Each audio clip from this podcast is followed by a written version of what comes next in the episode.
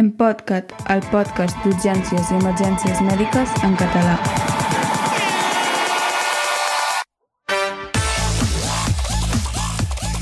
Hola, benvingudes a un nou episodi de l'Empodcat, el podcast d'urgències i emergències mèdiques en català. Aquest és l'episodi 12 i per variar som els còmplices habituals, en Xavier Basurto, avui des de l'Empordà, crec. Bon dia, Xavi. Hola, bon dia, sí, des de, des de l'Empordà. I sí, sóc en Xavi de, del blog d'urgem.cat. Molt bé. El Xavi no ho ha dit, és arroba urgemcat a Twitter. T'has fet Instagram, em sembla, també, ara, no? Sí, tenim, sí, tenim Instagram, però la veritat és que sóc molt vago amb aquest tema i amb Twitter ja, ja, ja en tinc prou. També apareixem al Facebook i tal, i quan tinc molt de temps faig algun a l'Instagram, però molt poc. Bé, jo sóc l'Albert Oms, infermer d'urgències i emergències. Eh, tinc, també tinc Twitter, arroba emermetpirineus, un nom ben curtet. També estic a Mastodon, que és una xarxa alternativa, semblant a Twitter, però eh, bueno, és una altra història. Ara que l'Elon Musk ha comprat Twitter, una part de Twitter i vol fer no sé què, no ha, no ha descobert eh, no ha descobert res nou. Eh? És del sopadall, ja alguns ja hi estàvem fent altres coses abans. I no tinc Instagram. Bé, i un cop fetes les presentacions, eh, com sempre anem a un tema. Avui el Xavi ens parlarà de l'edema... Va, tu mateix, presenta, presenta tu, Xavi. El tema que volíem comentar avui és el tema insuficiència cardíaca. Val? Aprofitant que aquest any s'han publicat eh, les guies de la Societat Americana de Cardiologia, l'any passat la Societat Europea de Cardiologia també va publicar les seves guies d'insuficiència cardíaca, doncs, eh, ens les hem revisat una miqueta hi ha moltes coses amb insuficiència cardíaca que urgències hauríem de saber perquè millor pot canviar una miqueta el maneig eh, i el control de, de, dels malalts que veiem habitualment en, en un servei d'urgències amb insuficiència cardíaca. I, bueno, i ens va semblar interessant fer-hi un repàs. Uh, un altre dia podem parlar d'altres aspectes de la insuficiència cardíaca i aquest, uh, avui ens centrarem en una, en una forma concreta d'insuficiència cardíaca que veiem, no, no és el que veiem cada dia, però sí que és una, és una manifestació hiperaguda i greu de la insuficiència cardíaca aguda, que és eh, l'edema agut de pulmó flash o l'edema agut de pulmó associat a, a, a una emergència hipertensiva. Recordem, eh, com diuen la, les guies de l'Europea de Cardiologia de, del 21, de l'any passat, la, la insuficiència cardíaca aguda és la principal causa d'ingrés en, en pacients de més de 65 anys i té una mortalitat intrahospitalària dels pacients que han d'ingressar considerable, entre un 5 i un 10% i d'aquests que han d'ingressar per, per, no, per gravetat i tal, als 12 mesos, al cap de l'any, un 25 o un 30%, eh, gairebé una, una tercera part es moren al cap de 12 mesos. Val? Per tant, és una patologia, sí, sí, és una patologia molt freqüent, molt habitual i amb una mortalitat eh, molt, molt, molt considerable. Lo habitual en l'insuficiència cardíaca és que es manifesta en quatre formes diferents. Vale? El 50-70% de les vegades són una descompensació aguda d'una insuficiència cardíaca. Vale? És, és a dir, algú que ja sabem o que ja sap o que ja fa temps que té símptomes de, no? de dísnia, ortopnea, d'estènia, cansament, etc. per una, per una insuficiència cardíaca, doncs en algun moment determinat, per, alguna, per algun episodi desencadenant, doncs torna a vindre a urgències perquè té una, una descompensació aguda de la, de la insuficiència cardíaca. Això és el que veiem habitualment. El 50-70% de les insuficiències cardíaques agudes es manifesten i les veiem així a urgències. Altres formes és eh, l'edema agut de pulmó, normal i corrent, que també veiem sovint, el xoc cardiogènic i la insuficiència aïllada del ventricle dret. Avui eh, volíem parlar d'una manifestació, una forma concreta d'aquesta insuficiència cardíaca aguda, que és l'edema de l'edema pulmonar, l'edema agut de pulmó flash, que és el que està relacionat amb una emergència hipertensiva. Això els americans eh, en diuen ESCAPE, que ve de simpatètic, és l'acrònim de Sympathetic Crashing Acute Pulmonary Edema. Val? És l'edema agut de pulmó eh, associat a una emergència hipertensiva. Aquest tipus de pacients, ja dic que no és el, eh, lògicament no és el que veiem més freqüentment, però és el pacient més greu que segurament ens podem veure amb, el, amb insuficiència cardíaca, a part també del xoc del xoc cardiogènic. És un pacient que veurem eh, que entra per la porta, no? vindrà amb una, amb una ambulància o entrarà per la porta i ja només de veure'l ja veurem claríssimament que és un pacient crític, és un pacient que té un aspecte de gravetat, que ja entrarà directament en el box de reanimació que tinguem. És un pacient que ell t'explicarà si pot parlar, perquè eh, el normal és que no puguin ni fer una frase sencera, que tenen una clínica de dísnia, ortomnea, de fa poques hores. Vale? No és un pacient que t'explica que es troba malament des de fa tres dies. Vull dir, és un pacient que des d'avui, fa poques hores, eh, i de forma ràpida i evolu eh, evoluciona molt ràpidament, doncs la seva dísnia, la seva ortomnea, el dolor toràcic, tot això és d'inici recent i d'evolució molt ràpida. És un pacient que el veurem que entra saturant per sota del 90% saturació basal o que si porta oxigen amb alta concentració saturarà per sota de 95 eh, és un pacient que estarà taquipneic, a 25-30 com a mínim respiracions per minut. I aquest que hem dit que anava associat a la hipertensió, el veurem amb tensions sistòliques elevades, de 100, com a mínim per sobre de 160 o unes tensions arterials mitjanes de per sobre de 120. És un pacient que hem dit que té un distrès respiratori. Vale? És un pacient que utilitzarà la musculatura accessòria, tindrà sudoració profusa, estarà agitat, té gana d'aire, que no el pots estirar ni 10 graus perquè intolera el de cúbit i que no pot, no pot fer una frase sencera. A l'exploració també veuràs que, que crepita, no? té unes, uns crepitants alts i hauríem d'estar acostumats en aquests, en aquests tipus de pacients, sobretot en aquests, eh, de fer una eco a peu de llit. Val? A l'eco pulmonar, en aquest pacient, si sospites un edema agut a pulmó, el que t'hauries d'esperar o el que hauries d'anar a buscar són les línies B, bilaterals, difuses, amb unes línies pleurals finetes i amb una mica de vessament pleural bilateral. En aquesta edema agut de pulmó flash, la eco és molt sensible. És a dir, que si no veus línies B, planteja't que el malalt té una altra patologia. Una mica de fisiopatologia perquè, bueno, perquè ens posem una miqueta en situació d'aquest tipus d'insuficiència cardíaca que és diferent a les altres és un pacient que té una activació del sistema nerviós simpàtic, per la causa que sigui, té una hiperactivació del sistema nerviós eh, simpàtic, això provoca una vasoconstricció, i aquesta vasoconstricció provoca dues coses. Una vasoconstricció de la melsa i fa que tota la sang, que tenim 25% del nostre volèmia, està allà descansant en la melsa. Aleshores, aquesta vasoconstricció fa que, que tota aquesta sang que tinguem a la melsa se'n vagin als pulmons i això faci una congestió pulmonar aquesta congestió pulmonar, lògicament, és el que ens donarà la, la hipoxèmia, la dísnia i, i tota la manifestació simptomàtica que té el pacient. A més a més, aquesta activació del sistema nerviós simpàtic que desencadena catecolamines, que provoca vasoconstricció, a part de fer una vasoconstricció de la, de la melsa, també augmenta la tensió arterial i augmenta la postcàrrega. Eh, aquest augment de la postcàrrega doncs, també provoca congestió pulmonar i que empitjora l'insuficiència cardíaca. Tot això, no? el pacient, lògicament, se sent disneic, amb dolor toràcic, que li costa molt respirar, tot això també desencadena més adrenalina i que empitjora la vasoconstricció i és un peix que es mossega la cua. És un peix que es mossega la cua i que, i que a més a més, actua de forma molt ràpida, en la qual això ens fa pensar que el tractament que li hem d'aplicar també hem d'anar amb, les, amb les mateixes cartes, vull dir, no hem de perdre ni un segon i ara us explicarem el que ens recomanen les guies, però que a diferència d'altres patologies, en aquí hem d'anar eh, eh, ràpid i a dosis plenes amb tot. Allò que arriba molt de pressa es tracta molt de pressa. Allò que arriba molt a poc a poc es tracta molt a poc a poc. Sí, sí, sí, sí. En aquest cas eh, ha de ser així perquè si no, bé, és que ja veus que el malalt o li fas alguna definitiu i, i vas a, a totes o, o, o és que no... O, o se't pararà o, ja l'hauràs d'intubar i, i vés a saber què passarà després perquè tens un malalt molt crític. Normalment sempre pensem en, en la insuficiència cardíaca, que és un malalt que té una sobrecàrrega de volum sistèmic. Val? Aquest no és el cas. Més del 50% d'aquests tipus de pacients no tenen una, una sobrecàrrega de volum de líquid, una, no tenen una congestió sistèmica. L'únic que passa és que se li ha redistribuït el volum, la volèmia, i de la melsa li ha passat en el pulmó. Però no és un pacient que d'entrada haguem de tractar amb tractament deplectiu. Un cop tenim clar el diagnòstic d'aquest pacient, val? que només amb la clínica, eh, l'auscultació dels crepitants i si li pots fer l'eco i veus les, línies, les línies eh, B, doncs ja tens clar el diagnòstic. Un cop el tinguem començat a tractar i el pacient ja no el veiem tan crític, eh, és hora de pensar amb que tota insuficiència cardíaca hem d'intentar buscar els desencadenants d'això.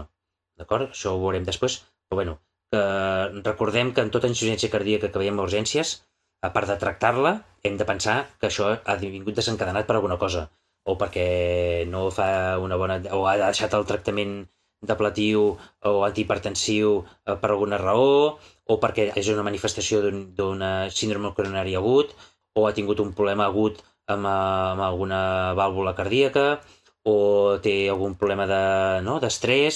o, o té alguna intoxicació aguda per alguna, no? per alguna droga simpàtico-mimètica, sigui la cocaïna, l'amfetamina, les cafeïnes, drogues de disseny, que tot això desencadena un síndrome simpàtico-mimètic i, i allibera catecolamines. Ja tenim clar el diagnòstic, importantíssim començar el tractament de forma agressiva, vale? immediata i agressiva. Dos eh, eines necessitem indispensables. La BNI, la ventilació no invasiva, i la nitroglicerina d'altes dosis. La més important és la BNI. Les dues coses són importants, eh? la nitro i la BNI. Uh, si has de començar a perdre temps en muntar una cosa o l'altra, uh, munta primer la BNI. Mm, després, si necessita diurètics o no sé què, ho podrem pensar-ho després amb tranquil·litat. Però no perdem temps uh, muntant bombes de furosemides o posant, carregant furosemides no sé què, perquè no és, no és la prioritat. En aquest cas, és la ventilació no invasiva um, amb paràmetres uh, no, de EPAP, IPAP i tot això, doncs a dosis plenes Aquí és una feina important aquesta, eh? perquè quan algú té tanta ànsia d'aire, quan li costes sí. la careta, la mascareta sí, a la cara... Te la, te la... Uf, aquí has sí. de fer molt coaching, sí. eh? Sí, sí, sí, sí. No, no, de fet, eh, les guies, de fet, ho recomanen, eh? Vull dir que quan hagis de... De, de fet, mentre estàs preparant els paràmetres i no sé què, doncs clar, lògicament li poses una, una, un ventimasc amb alta concentració i li vas explicant que ara li posarem, li ensenyes la mascareta que, que li posarem, li expliques que això li donarà una mica d'aire i que es pot notar una miqueta incòmode al principi, però que ha d'intentar acoplar-se, no? eh, eh, deixar-se ajudar per la, per la màscara, intentar-lo convèncer de que allò és el que li salvarà la vida. També te recomanen que, que algú estigui només pendent mm, de posar-li la mascareta i, i d'entrada posar-li la mascareta en la, no? en la cara i aguantar-li tu manualment, no posar-li ja directament les sitges en, en el cap perquè eh, això ja els agòbia eh, molt i no ho toleraran. Per tant, tu o qui estigui al costat del malalt explicant-li que allò li anirà molt bé, que es deixi adaptar i que es deixi portar per la, per la màscara i li aguantes a la cara eh, que amb les mínimes fugues possibles, però no posem-li els sitges ja directament en el cap. Li aguantem manualment els minuts que faci falta fins que s'acopli malalt. Vale, és molt de coaching, és molt de coaching com dius tu, eh? Això que diré ara no queda gaire d'infermera, no? Però a part del coaching i tal, no li podríem posar algun xupito o alguna cosa? Sí. A veure què tal? Sí, sí, sí. sí. Uh, ens recomanen, ens recomanen a les guies i això, per exemple, sobretot uh, els opioides uh, fentaners, uh, fentanil. D'acord? 50, 50 micrograms de fentanil t'ajuda a treure una miqueta l'ansietat, uh, la dísnia, i que t'adaptis eh, més ràpidament a la, a la no invasiva, eh, el fentanil. Fenta abans que morfina, eh? Sí, sí, clar, perquè té un efecte, clar, pensa que l'efecte del fentanil és molt més ràpid que, que el mòrfic i a més a més deixa de fer efecte abans. Uh -huh, quan, quan deixa de fer efecte el malalt ja, les, ja les, si, si tot ha anat bé ja està recuperat.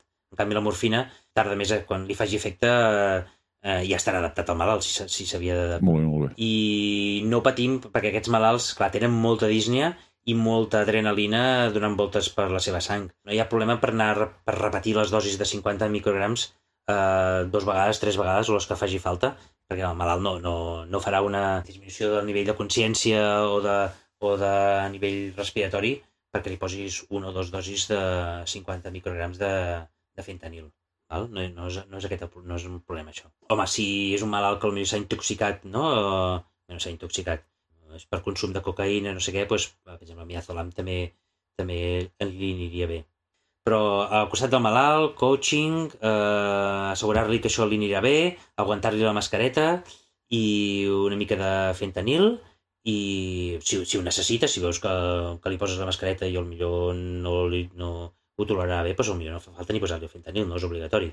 Aleshores, eh, sí que s'ha vist que en el, la ventilació no invasiva en aquests pacients disminueix la mortalitat i disminueix la, la, la necessitat d'intubació i ventilació mecànica invasiva. Què més? Eh, no veuen diferències entre una modalitat de ventilació no invasiva i una altra. Entre, entre, entre la CPAP i la BIPAP te recomanen que les dues són eficaces igualment.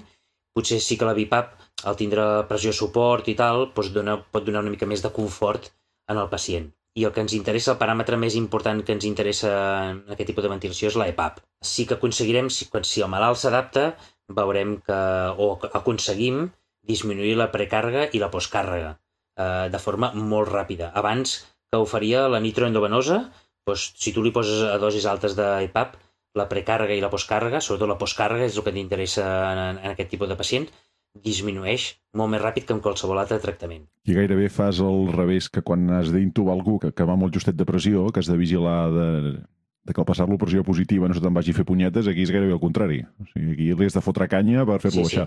Te, te recomanen, per exemple, si fas servir, si vols fer servir la CPAP, doncs començar amb, una, amb unes pips de 6 i ràpidament augmentar fins a 12, 15 o 18 de, de pip.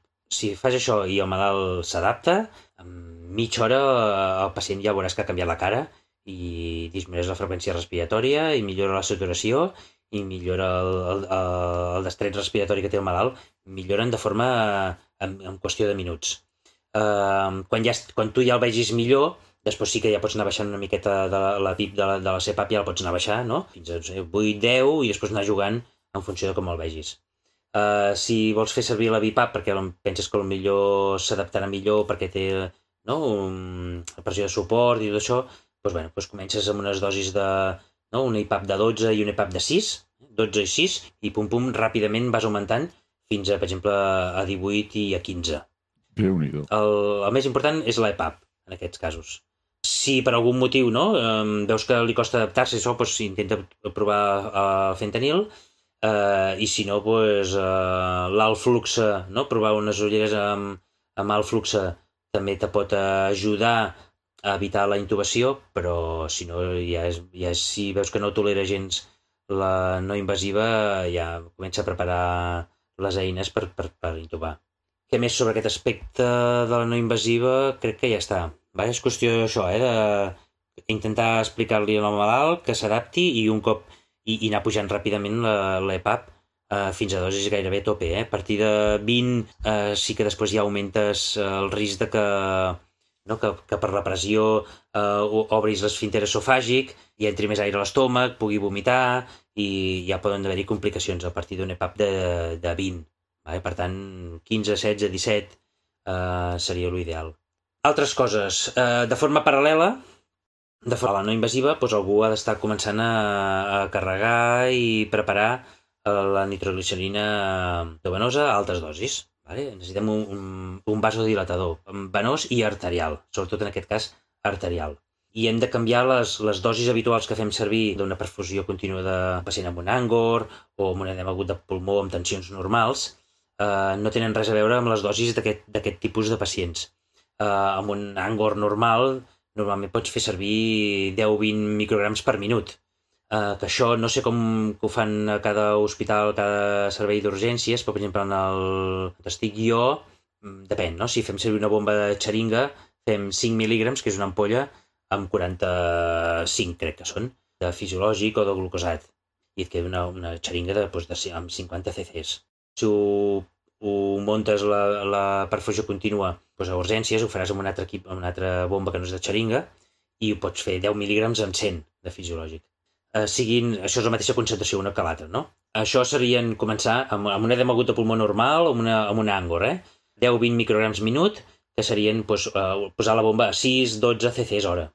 I la pots anar augmentant molt fins a 120 cc's hora, que normalment no ho fas mai. sí, sí. En aquest cas, l'estem parlant, eh, necessitaríem dosis altes inicials de nitroglicerina. I dosis altes vol dir més de 250 micrograms minut.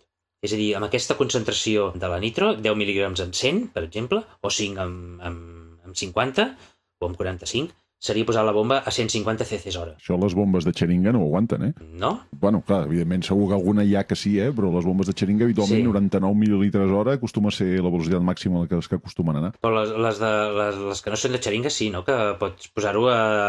al... Fins a 1.000 Exacte. per hora. Ah, vale, vale. Que són les de xeringa Això les no que sé. aquí, hòstia, La xeringa vas una mica, justeges una mica aquí, eh? Vale, no, doncs senzillament eh, duplicar, per exemple, la, la concentració de la, de la dilució, no? Cor- ah, Correcte, sí, sí. Pues en lloc de posar dos, eh, no? dos ampolles de nitro, Sí, en comptes de fer un mil·ligram, mil, en comptes de fer 0,1 Sí. mil·lígrams mil·lilitre, que és el que fèiem aquí, doncs fas eh, 0,2 mil·lígrams mil·litre, per exemple. Exacte. Uh, aleshores, sí que te, ens expliquen que a, a menys de 250 micrograms minut sí que fa vasodilatació doncs, més aviat venosa, que disminueix la precàrrega.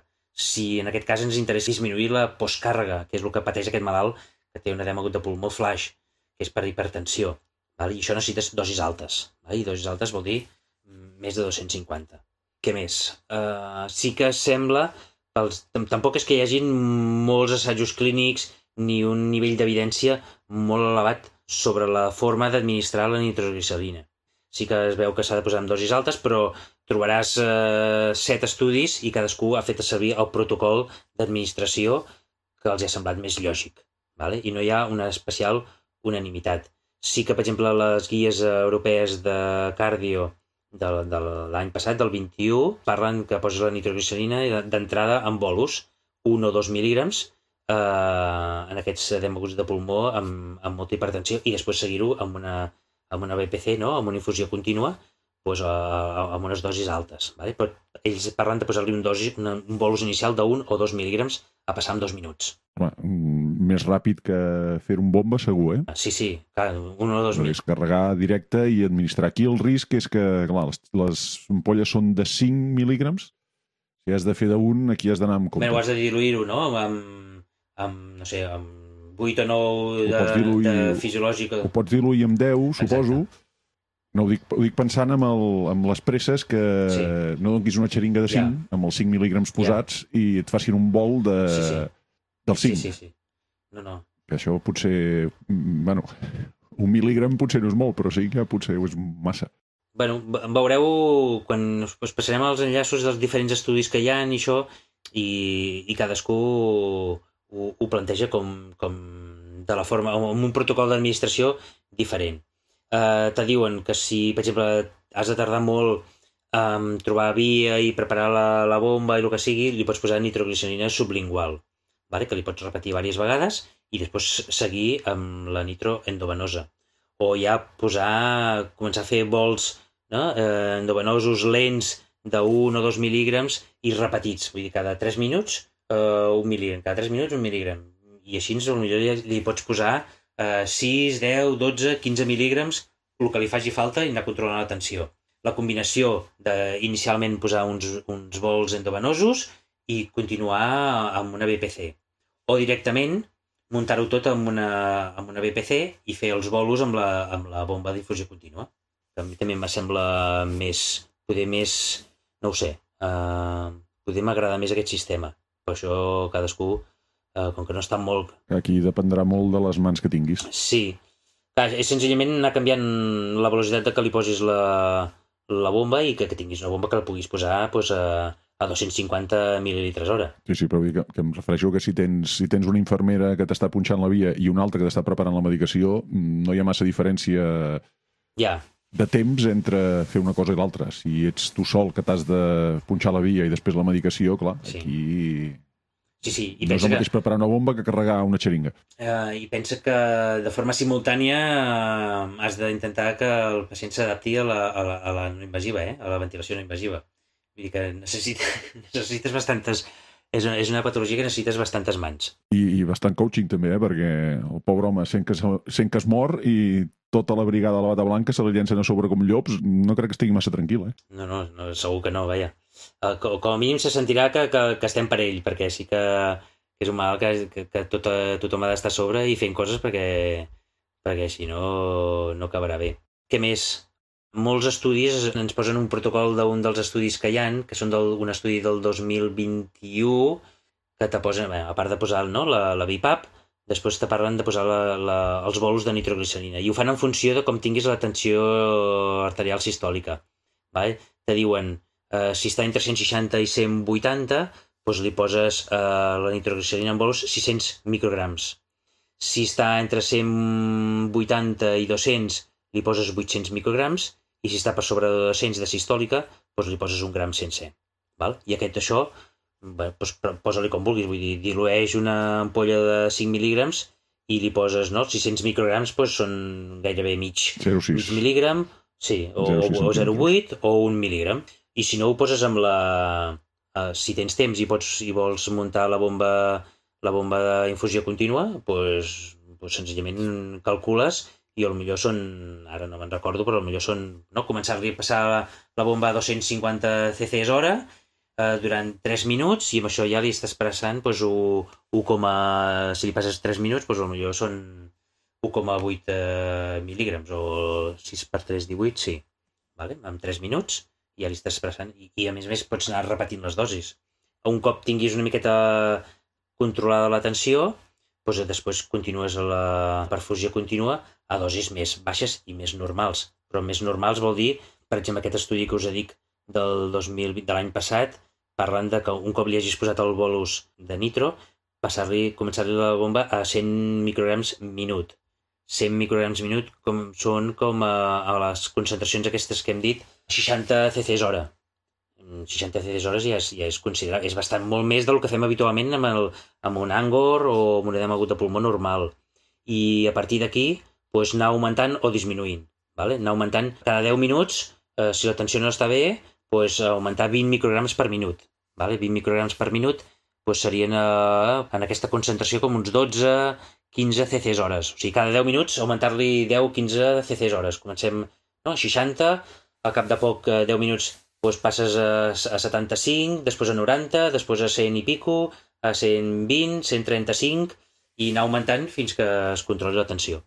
I tan bon punt... Ja li pots posar el braçal pneumàtic de la pressió en continu. Sí, sí, sí. sí, sí. Ja directament, és a dir, que acaba de prendre una i pot prendre el sí, següent. Sí, cada dos, tres minuts has d'anar controlant la tensió i anar augmentant sense parar, cada 5-10 minuts, pum, pum, anar augmentant 10-15 cc hora fins que es controli la tensió i pots posar... bueno, parlen, parlen de dosis màximes de 400-500 micrograms eh, minut. Mare de Déu. 400...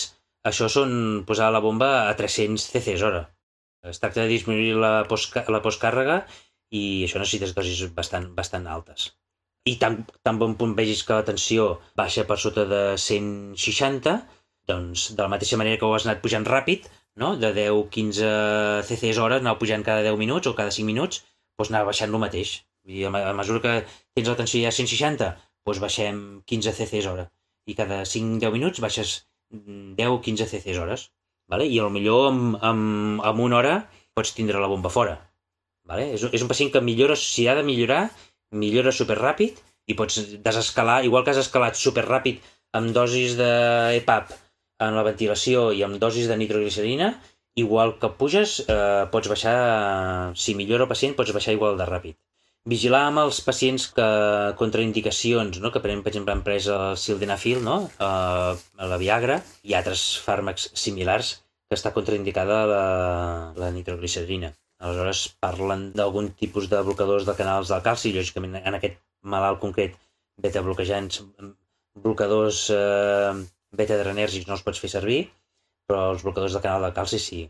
Recomanen un blocador de canal de calci que és la clevidipina. Primera notícia que existeixi això. Sí, jo tampoc no ho coneixo i no, no, no, no he pogut comprovar si almenys al meu servei d'urgències ho tenim, i la nicardipina, que no sé tampoc si, si és un medicament molt habitual de tenir a l'hospital o no. Jo no els he hagut de fer servir mai. Mira, el, el, nosaltres, al costat, eh, diguem-ne, espanyol, no diria que ni cardipina endovenosa no n'he vista, però al costat eh, francès eh, és, en tenen i, i tenen mà, eh? no, no, no és un medicament que el tinguin amagat. Ah, doncs mira, no, si això deu anar molt també a cultures i formes de fer...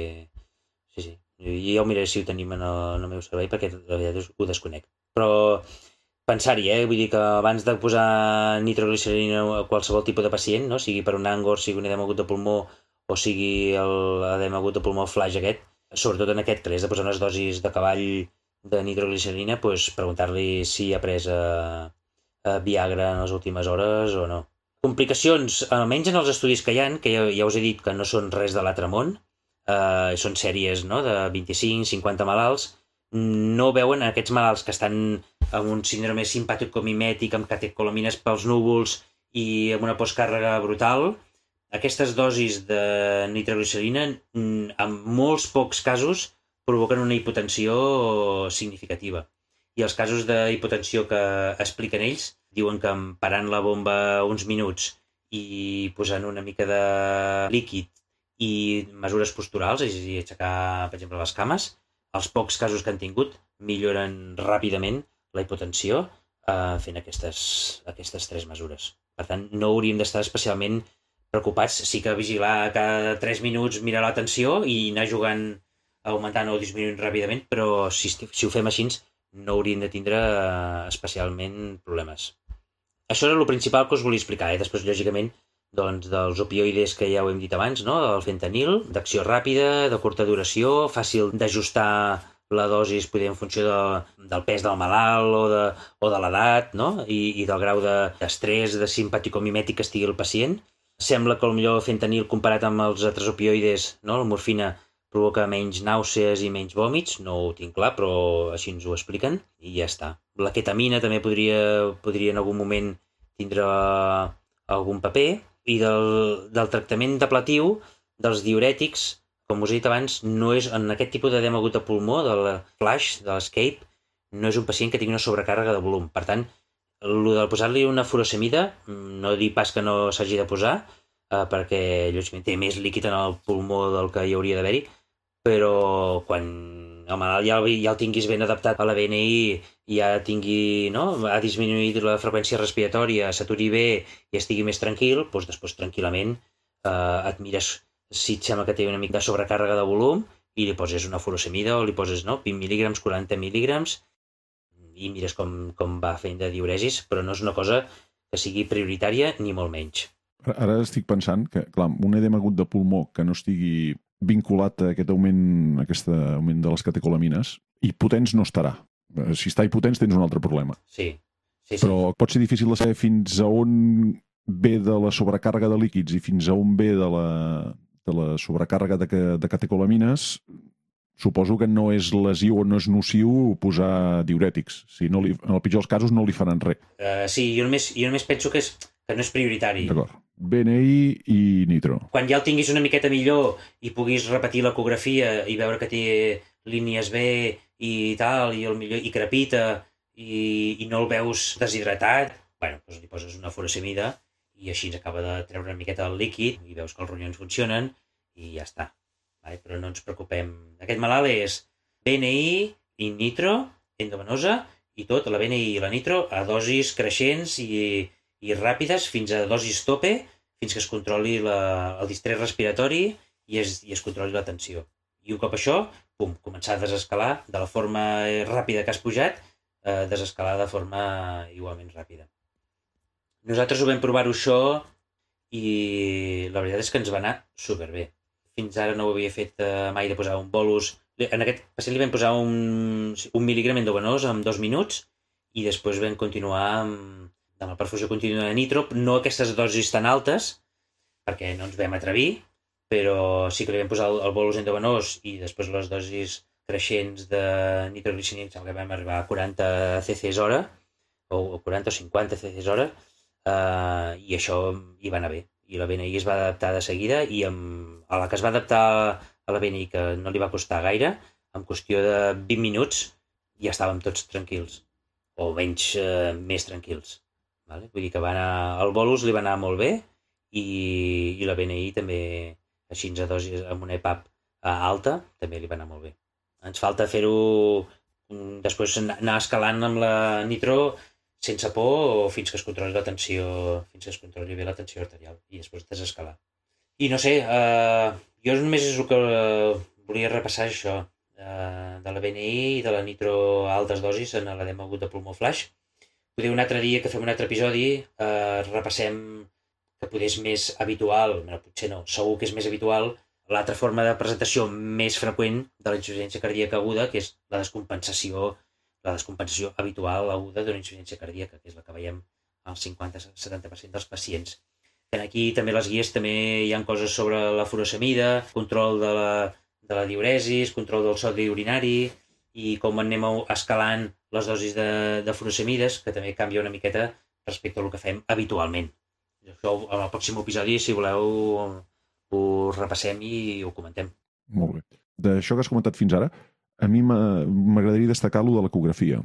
Tinc una experiència, una mala experiència d'un cas que era una dísnia mm, amb ortopnea amb horari de d'edema agut de pulmó, és a dir, a les 4 a les 5 de la matinada, en el qual, eh, evidentment, estàs molt damnificat a aquella hora per tractar la gent.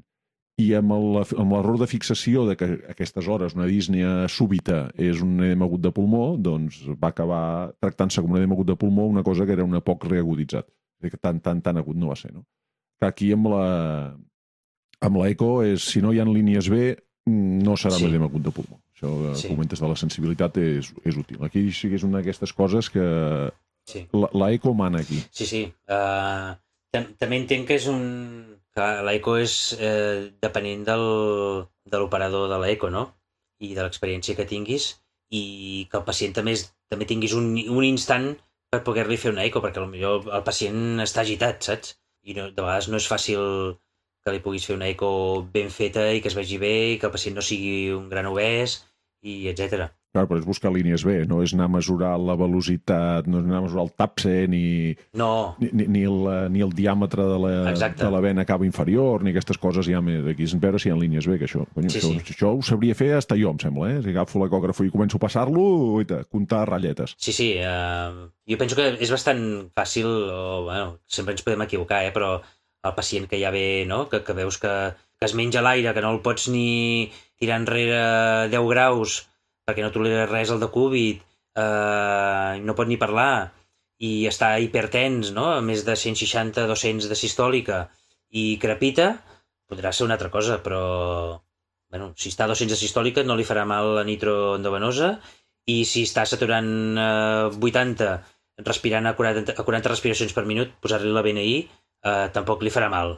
Mm, Després ja, quan estigui millor, posa una altra vegada l'eco, assegura't, fes-li la placa de tòrax, que també la placa de tòrax, no? lògicament també tindràs una redistribució vascular, iliofogal, amb una mica de vessament, després tindràs una analítica, amb una mica que et tenen les troponines evidentment elevades, i, i mil històries que, que t'acabaran de confirmar el diagnòstic. Però és molt... Vaja, és un, és un diagnòstic que el pots fer a domicili si vas amb l'avançada i, bueno, és, és difícil que t'equivoquis també. Eh? Molt bé. Molt bé, doncs fins aquí el tema d'avui. Molt bé. Aviam si cadascú que, de- que es miri aviam com vol administrar la, la nitro, no? si en vol ús o en perfusió continuar altres dosis i després baixar-les, o cadascú això com se senti més segur. I si teniu experiència i ho feu i tal, i voleu comentar-ho, estaria bé compartir-ho, no? Aviam com, com ens surt i com, ens- com funcionen els pacients si ho fem així. Molt bé. Mira, ara que dius això de compartir, eh, passem a l'urgent mot, que tinc una cosa a compartir també. Ah, aviam. Mira, això de compartir, resulta, no sé si va ser dos episodis enrere o tres, ja no me'n recordo, que vam, durant la presentació parlàvem de les comarques si porten l'article o no davant, eh? és a dir, perquè jo sóc de Cerdanya, eh? i clar, no pot ser, hauria de ser de ah, la sí. Cerdanya. Sí, sí, me'n recordo. Doncs resulta que un oient, eh, aviam el nom, Sí. Joan Tomàs, ens ha passat Sí. eh, la resposta d'un filòleg, eh, que potser alguns coneixeu, eh, bueno, de fet, el filòleg és catedràtic emèric de llengua catalana, el J.M. Virgili, Sí, que conegut a Twitter Sí. per les seves correccions sempre i en tot lloc, sí, sí, sí, ja ho coneixo. que diu, a veure, que llegeixo, va, les comarques es diuen totes amb article, llevat de Osona, sense, i la Cerdanya barra Cerdanya, que admet totes dues possibilitats, amb article i sense. Ah, I és així, els cerdans sempre diuen Cerdanya i els forasters la Cerdanya. O sigui, que segons com ja em puc considerar cerdà, jo. Veus que bé? o sigui, totes porten article, menys Osona, I la Cerdanya, Bé, la Cerdanya com vulguis, no? exacte, que els locals doncs, no n'hi posem. D'acord. Està bé, molt bé, molt bé. Sí, sí. Bueno, agrair aquest oient, escolta'm. Eh? Sí, home. Vam dir, ha aparegut el filòleg de la sala. M'agrada, m'agrada. Sí, sí, sí, sí, està xulo, molt bé. Bueno, I què tens tu, Urgent Mots, per aquest episodi? Doncs sí, jo avui havia fet un recull dels urgent mots que tenim en el blog eh, sobre diferents... Eh, avui, avui va de noms de patologies, termes, eh, noms de malalties, patologies, que potser diem de forma una mica incorrecta i que les podríem dir millor. Per exemple, en lloc de que parlar que un pacient té un flúter, eh, la forma correcta és dir que té una lateig auricular. Un altre pacient que en lloc de tindre un, un accident isquèmic transitori, la forma correcta seria un atac isquèmic transitori. La cefalàlgia en agrupaments, que també podríem fer servir el sinònim de cefalàlgia en brots, això seria pel, en, en castellà seria la, la cefalea en racimos o el, el cluster headache en anglès.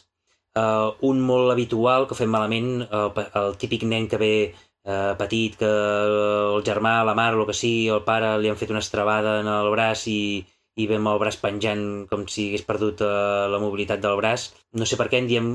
Uh, el diagnòstic que posem és una pronació dolorosa, però la pronació dolorosa és senzillament el signe de la malaltia, que és el colze de mainadera. El diagnòstic que, hauríem de, que hem de posar és colze de mainadera, que es manifesta amb una pronació dolorosa. Una altra cosa, el delirium tremens, vale? que l'hauríem d'escriure, el tremens és amb un accent obert a la E. Uh, L'èxama, vale? el pacient que té una reacció cutània, una dermatitis, etc. Jo sempre m'he dit un eczema, doncs no, és un èxama, d'acord? El pacient epilèptic que no respon al tractament i, i està constantment eh, entrant i sortint d'una crisi epilèptica i tal, en parlem d'un estat epilèptic en lloc d'un estatus, no? La forma correcta seria parlar d'un estat. Fractures. Amb nens veiem fractures eh, no? d'una vora de, de la cortical i en lloc de parlar d'una fractura d'antija verda, hem de parlar de canya verda. O quan afecten a les, a les dos corticals que fa aquell engruiximent com si tingués una... bueno, que en diem una fractura de bambú, no? de canya de bambú o de bambú, hauríem de parlar una fractura de rabava. De rabava. De rabava, sí. I què més? Uh, la hiper, hiperemesi gravídica, vale? la hiperemesi gravídica és un accent hiperemesi, va obert amb un accent obert a, a, la, a la primera E. I després és més correcte o millor o preferit, almenys pel term CAT, parlar de paludisme que parlar de malària. Tot i que malària és correcta, però millor parlem de paludisme. I res, són els 10-11 termes de noms de patologies doncs que podríem dir-les de forma més correcta, i és els que us volia comentar. Molt bé. Ja està. Colze de mainadera. El colze de mainadera, aquest és guai. M'agrada. Sí, sí. M'agrada. L'apuntaré, eh? Aquest, eh, això, sufratge, colze de mainadera. Sí. Terrible. Home, de fet, quan fas l'informe i poses el diagnòstic, eh, ara no me'n recordo quin és el, no, la classificació internacional de malalties i tal, el, el, si poses el codi, el, el que et surt és colze de mainadera. És que, de fet, en anglès em sembla que també és uh, alguna semblant, eh? Nursemaid's Elbow, em Sí, sembla. sí, és, eh, és, és el nursemaid elbow, sí, Està sí. bé, està bé. Sí, sí, és una, és una traducció literal del, de l'anglès, sí, sí. Doncs mira, jo no tinc cap paraula mm, per l'urgent mot, però tinc un, una recomanació, Ah, molt bé. que ja sé que no toca, però va. Es pot fer... Mira, eh, ja fa unes setmanes la Generalitat de Catalunya, i ara em consta que també s'hi ha juntat el govern de les Illes Balears, van engegar una proposta que n'han dit projecte AINA, que bàsicament és tot un conjunt d'actuacions per a permetre que els assistents de veu puguin, puguin funcionar en català. Assistents de veu tipus Siri, el Google Assistant o l'Alexa o el qui sigui. No? I bàsicament és portar la, la llengua catalana a tots els aparells eh, que actuen a través de la veu. Jo quan vaig sentir això vaig dir, ai, ja estem tornant a inventar eh, la sopa d'all. Sí, sí. Doncs mm, aquí aquest projecte té diverses parts. Hi ha una part que és la part que subvencionarà empreses per a fer ús d'aquesta tecnologia, és a dir, per a desenvolupar tecnologia que faci servir el català, però hi ha una part que és col·lectiva, que és la de proporcionar-li a la intel·ligència artificial talls de veu. Això ja existia abans, era una cosa que va fer la, Mo la Mozilla Foundation, la mateixa Mozilla que allotja aquest navegador d'internet que es diu Firefox, té un projecte mundial de recollir veus, eh, de posar talls de text que la gent grava amb la seva veu. I també la gent valida que, aquell, que talls de veu gravats corresponen al text que, que, que haurien d'acompanyar. Doncs, bueno, el projecte AINA fa servir això, és a dir, no s'han inventat, no han reinventat la roda, i la gràcia està en que eh, tots, tots, totes les persones que parlen català poden participar-hi. Es tracta de gravar-se o bé de validar gravacions de textos. Amb això el que es permet és que la intel·ligència artificial, que haurà de treballar això, doncs entengui el català. Parlar català ja no és un problema, hi ha motors de síntesi de veu bastant dignes, però entendre'l és el problema. S'han gravat una barbaritat de talls de veu des de que va sortir, ja d'abans i des de que va sortir això, jo en tinc uns quants també de gravats, Uh -huh. i ara ens falten talls de veu que no siguin de homes del català central. És a dir, que si no sou homes i no parleu català central, el projecte AINA feu falta. I si sou homes i parleu català central, també feu falta, però en aquest cas, en comptes de gravar, millor validar talls de veu. I ja està, projecteaina.cat. I, i um, és igual, o sigui, el validar o, o pujar uh, una gravació de veu i tal, és igual la temàtica que sigui? No, no, ells, ells, eh, hi ha un text que és el que has de llegir. Ah, Llavors el que fan és correspondre el text amb l'àudio que es grava. És, eh, això és quan va molt bé perquè, mira, és allò... Saps aquells moments tontos de que tens 3 minuts que no faràs res, de projectaina.cat, escoltes quatre... Van, van en grups de 5 àudios, escoltes 5 àudios, els valides i vinga, ja ho tens fet. vale. I per entrar-hi és això, eh? projecteaina.cat Projectaina.cat, sí. i t'has de registrar o, algo, o alguna cosa o no? O posar, suposo que deu necessitar algunes dades teves, no? O... No, bueno, eh, pots registrar i llavors tens una mena de gamificació de la cosa, no? Et diuen quants n'has fet i et feliciten i t'envien correus dient que ho fas molt bé i de més, però em sembla que es pot fer sense... Ara no ho sé, jo estic, jo estic registrat, llavors ara Val, val, val. dubto de si es pot fer sense o no. Crec que es pot fer sense estar registrat. Val, doncs ho, ho mirarem. Ho mirarem, quan tinguem 5 minuts. Doncs jo us volia, si et sembla, eh, les dos, dos recomanacions que volia fer avui, també, com moltes vegades, són d'aplicacions que jo faig servir habitualment i són dues aplicacions per ajudar-te a calcular les concentracions i les velocitats que has de passar la medicació endovenosa, normalment en perfusió contínua. Que moltes vegades, bueno, si sempre ho fas servir de la mateixa manera no hi ha cap problema, però per exemple moltes vegades et passa no, que millor vas a, a un altre centre hospitalari, un altre servei d'urgències o, o vas al CAP i ja t'han muntat una, una forma de posar-te la, la nitroglicerina o el que sigui, la miadorona o el que sigui amb unes altres, amb unes altres dilucions i no saps ben bé a, a quina quantitat li estàs passant al pacient a la medicació.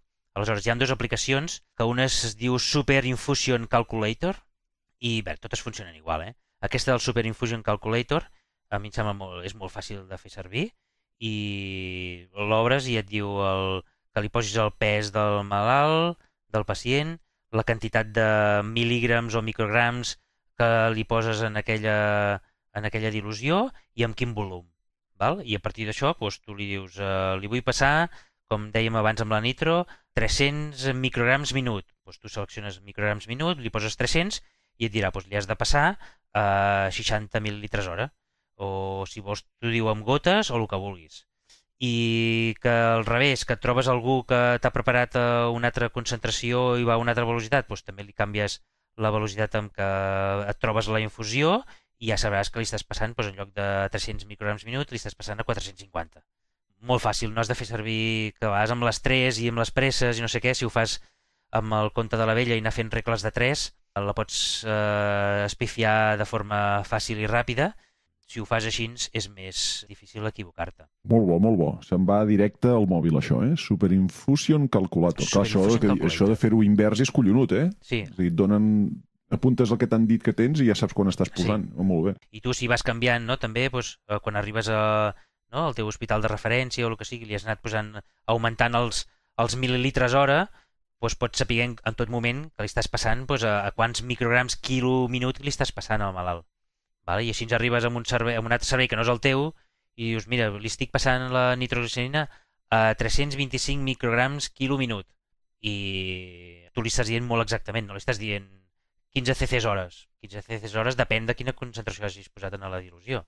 Si no us agrada aquesta, mm, n'hi ha una altra que no sé exactament ara la, la traducció perquè és un acrònim, que és DTSEMT E Drip Rate Calculator.